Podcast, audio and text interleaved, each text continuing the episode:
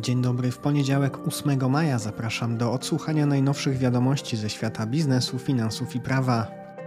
Biznes Update to codzienne informacje biznesowe. Odsłuchaj przed pracą i zacznij dzień z przewagą. W piątek WIG20 wzrósł o 1,5% do 1912 punktów.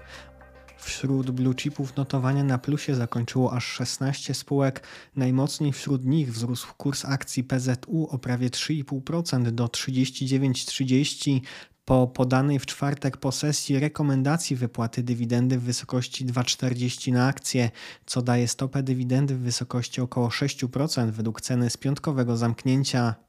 Największa przecena dotknęła akcję Dino minus 2% do 406,70 zł, co można odczytać jako realizację zysków po publikacji dzień wcześniej lepszych od oczekiwań wyników. Na szerokim rynku na uwagę zasługuje druga z rzędu mocna sesja na akcjach spółki Varimpex, której notowania zamknęły się wzrostem o 17% do 9,65. Solidnie rósł niemiecki DAX 1,5% oraz w Stanach główne indeksy akcyjne około 2% na plusie. W piątek wieczorem za dolara płaciliśmy 4,14, a za euro 4,57. Ropa odrabiała ostatnie spadki i notowania rosły 4% do ponad 71 dolarów za baryłkę WTI. Gospodarka i makroekonomia. W marcu eksport z Polski wzrósł o 16,3% rok do roku i ponad 14% miesiąc do miesiąca i wyniósł 30 miliardów 237 milionów euro, oszacowała Krajowa Izba Gospodarcza. Eurostat podał, że w marcu sprzedaż detaliczna w Polsce spadła o 6,1% rok do roku po spadku o 0,7% rok do roku w lutym. W ciągu miesiąca sprzedaż spadła o 2,4%. Komisja Europejska ocenia, że zbiory zbóż w tym roku wyniosą około 36 milionów ton. To około 1,5% więcej niż w ubiegłym roku. W piątek Komisja Europejska zatwierdziła polski program o wartości około 435,5 miliona euro celem wsparcia produkcji pszenicy w następstwie wojny na wschodzie. Komisja Europejska zatwierdziła także zmiany w polskim programie wspierania zamykania kopalń węgla.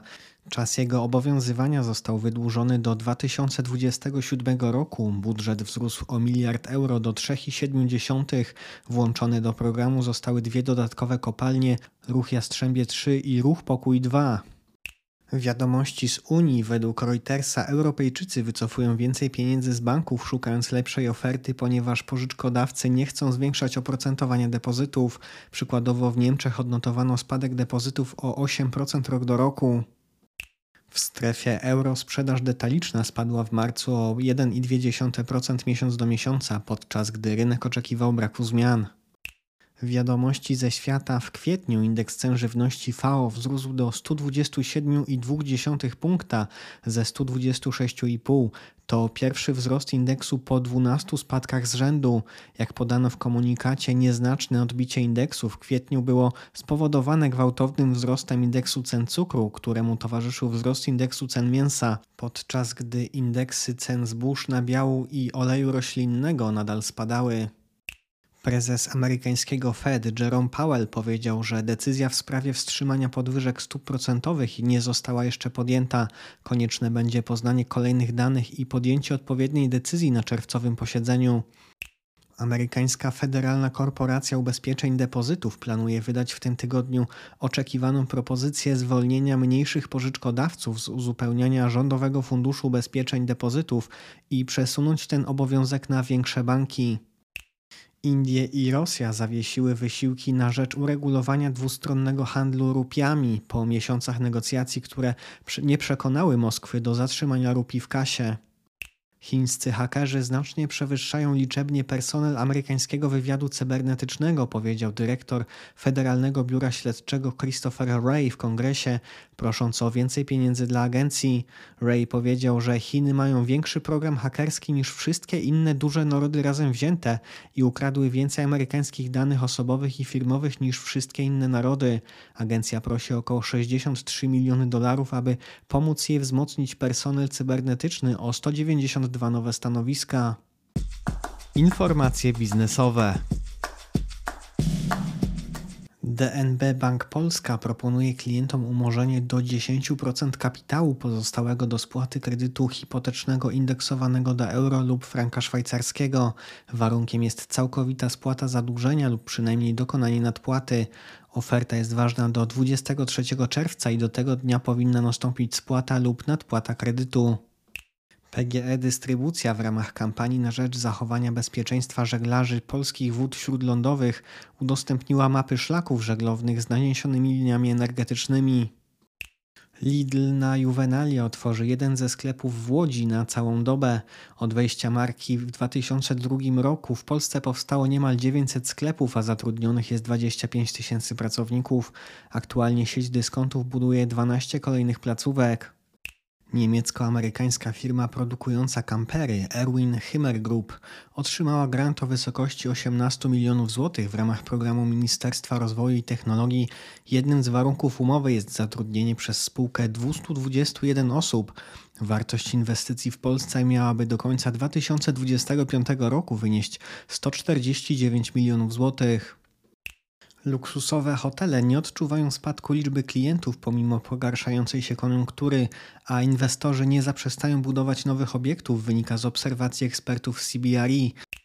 Wiadomości ze świata Samsung wprowadza wśród pracowników zakaz korzystania z generatywnych narzędzi sztucznej inteligencji.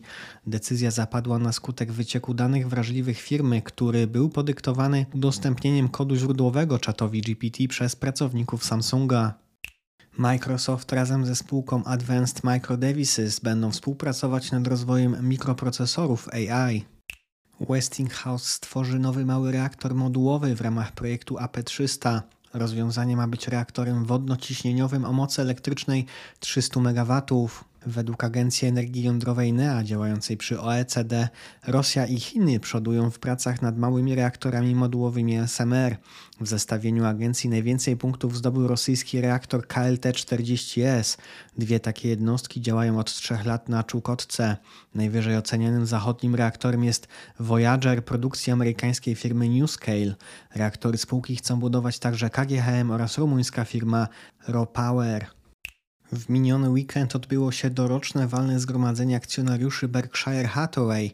Akcjonariusze odrzucili propozycje projektów związanych z klimatem i różnorodnością.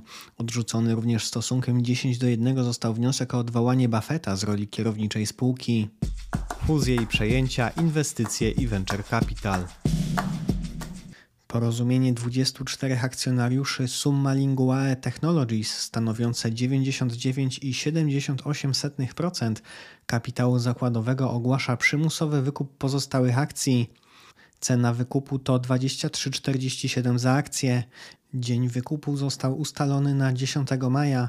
Założyciel spółki poinformował, że firma aktualnie przeprowadza przegląd opcji strategicznych. Wśród dotychczasowych inwestorów jest m.in. z wiodącym udziałem fundusz Private Equity Value for Capital, co sugeruje, że sytuacja może prowadzić do exitu przynajmniej inwestorów finansowych. Suma Linguae Technology stworzy rozwiązania technologiczne, które pomagają przy przetwarzaniu danych w językach obcych. Na zamknięciu w piątek cena akcji wynosiła 23,60. Kapitalizacja spółki na giełdzie wynosi 191 milionów złotych. Gobarto, firma z sektora mięsa wieprzowego i hodowli trzody chlewnej, podpisała wstępną umowę na przejęcie 100% udziałów w Alba Podlaskie Centrum Mięsne Żuraw Gryko i Franco Dystrybucja za łączną kwotę 31 milionów złotych. Transakcja pozwoli Gobarto na rozszerzenie działalności w obszarze hurtu wędlin, drobiu i przetworów mięsnych. Transakcja jest zgodna ze strategią grupy na lata 19-24, która zakłada m.in. rozwój w dziedzinie dystrybucji poprzez stopniowe zwiększanie sprzedaży na podstawie posiadanego majątku oraz ewentualnych przejęć. 90% akcji Gobarto należy do Cedrobu. Spire Capital Partners, fundusz Private Equity, uzyskał finansowanie z Europejskiego Funduszu Inwestycyjnego oraz PFR Ventures o łącznej wartości 57 milionów euro. Docelowo fundusz planuje zebrać 110 milionów euro. Spire Capital zamierza w ciągu 4 lat stworzyć portfolio obejmujące od 7 do 10 spółek działających w sektorach oprogramowania, e-commerce i tech-enabled services, inwestując w każdą z tych spółek średnio od 7 do 15 milionów euro. Bioc, polsko-amerykański startup opracowujący leki w obszarach onkologii, diabetologii i leczenia bólu, planuje zainwestować w badania 30 milionów złotych. W zeszłym roku spółka pozyskała od inwestorów 5 milionów, a obecnie przygotowuje się do rundy inwestycyjnej w Stanach Zjednoczonych. W dalszej przyszłości spółka planuje IPO na zagranicznej giełdzie, a w najbliższym czasie postara się zdobyć granty z programu Fundusze Europejskie dla nowoczesnej gospodarki o łącznej wartości między 40 a 50 milionów złotych. Giełda papierów wartościowych w Warszawie zawiesza notowania ośmiu spółek Blugo, Braster, Czerwona Torebka, EcoExport, Fast Finance, PGF Polska Grupa Fotowoltaiczna, Prima Moda i Transpolonia w związku z żądaniem zgłoszonym przez KNF. Powodem zawieszenia było nieprzekazanie do publicznej wiadomości lub przekazanie niekompletnego raportu rocznego za 2022 rok. Wiadomości z Unii Europejskiej niemiecki producent oprogramowania Software AG zostanie sprzedany funduszowi Private Equity Silver Lake Management za 32 euro za akcję, co da wycenę 2,5 miliarda euro. Wiadomości ze świata amerykańska firma przemysłowa Arconic Corporation zostanie przejęta przez Apollo za 5 miliardów 200 milionów dolarów. Akcjonariusze dostaną 30 dolarów za akcję, co oznacza 36% premię względem ceny na zamknięciu w piątek. Amerykański fundusz Private Equity Advent International wraz z BCI zakończyły warte 6 miliardów 400 milionów dolarów przejęcie Maxar Technologies, spółki oferującej rozwiązania w zakresie kosmonautyki. Ashton Kutcher, hollywoodzki aktor i inwestor Venture Capital ogłosił, że zebrał fundusz inwestycyjny o wartości 243 milionów dolarów, który skupi się na technologii AI. Prawo i podatki. Prezes UOKiK informuje, że dzisiaj opublikuje wyjaśnienia dotyczące prawidłowego oznaczania cen towarów. Ma to związek z licznymi wątpliwościami przedsiębiorców na tle stosowania dyrektywy Omnibus. W powiecie wejherowskim wykryto działalność mafii odpadowej. Kontrolerzy Wojewódzkiego Inspektoratu Ochrony Środowiska w Gdańsku wykryli dwie firmy, które nie mając odpowiednich zezwoleń przyjmowały odpady i fałszowały dokumentację. Skontrolowane firmy nie potrafiły wyjaśnić, co się stało z sześcioma tysiącami ton odpadów. Sprawa została skierowana do prokuratury okręgowej w Gdańsku. Śledztwo w sprawie pomocy w uzyskaniu 40-milionowej dotacji z Narodowego Centrum Badań i Rozwoju, jakiej Bartłomiej Misiewicz miał udzielić Radosławowi Tatajewskiemu, prokuratura umorzyła po siedmiu latach, jednak prawdopodobnie pomyliła spółki, którym działalność Misiewicza miała przysporzyć korzyści. Okazało się, że spółka 303 Innovation Fund, która była beneficjentem grantu, nie była wzięta pod lupę prokuratury, a sprawę umorzono wobec nieuzyskania grantu przez inną kontrolowaną przez Tadajewskiego spółkę. Naczelny Sąd Administracyjny orzekł, że składka ubezpieczeniowa typu GAP, czyli od utraty wartości pojazdu w ramach szkody AC, podlega rozliczeniu proporcjonalnemu w kosztach działalności do ustalonych w ustawie o CIT limitu 150 tysięcy złotych. Europejski Urząd do Spraw Zwalczania Nadużyć Finansowych wszczął śledztwo w Narodowym Centrum Badań i Rozwoju. Powodem są dwie afery z przyznawaniem grantów z wykorzystaniem środków unijnych. Trybunał Sprawiedliwości Unii Europejskiej 15 czerwca wyda wyrok w sprawie wynagradzania za korzystanie z kapitału banków z umów frankowych. Węgierski bank OTP został wpisany przez Ukraińską Narodową Agencję do Spraw Zapobiegania Korupcji na listę podmiotów finansujących wojnę na Ukrainie. Grupa OTP jest największym bankiem komercyjnym na Węgrzech i jednym z liderów na rynku usług finansowych w regionie Europy Środkowo-Wschodniej. Westinghouse Electric Company i Korea Hydro and Nuclear Power toczą spór o transfer technologii nuklearnej do Polski. Westinghouse zaangażowany jest w powstanie elektrowni jądrowej na Pomorzu, zaś koreańska firma związana jest z inwestycją w Pątnowie. Westinghouse uważa, że Korea Hydro powinna wystąpić do Westinghouse, aby ta uzyskała zgodę rządu Stanów Zjednoczonych i samej spółki na transfer technologii jądrowej za granicę, w tym do Polski. Korea Hydro uznaje, że zgody nie potrzebuje. To już wszystko w podcaście. Tradycyjnie więcej liczb w wersji tekstowej, czyli w newsletterze, na który można zapisać się na businessupdate.pl. Jeżeli serwis jest pomocny, będziemy wdzięczni za polecanie go oraz oceny na platformach do podcastów. Ja życzę Państwu owocnego poniedziałku i całego tygodnia. Do usłyszenia jutro.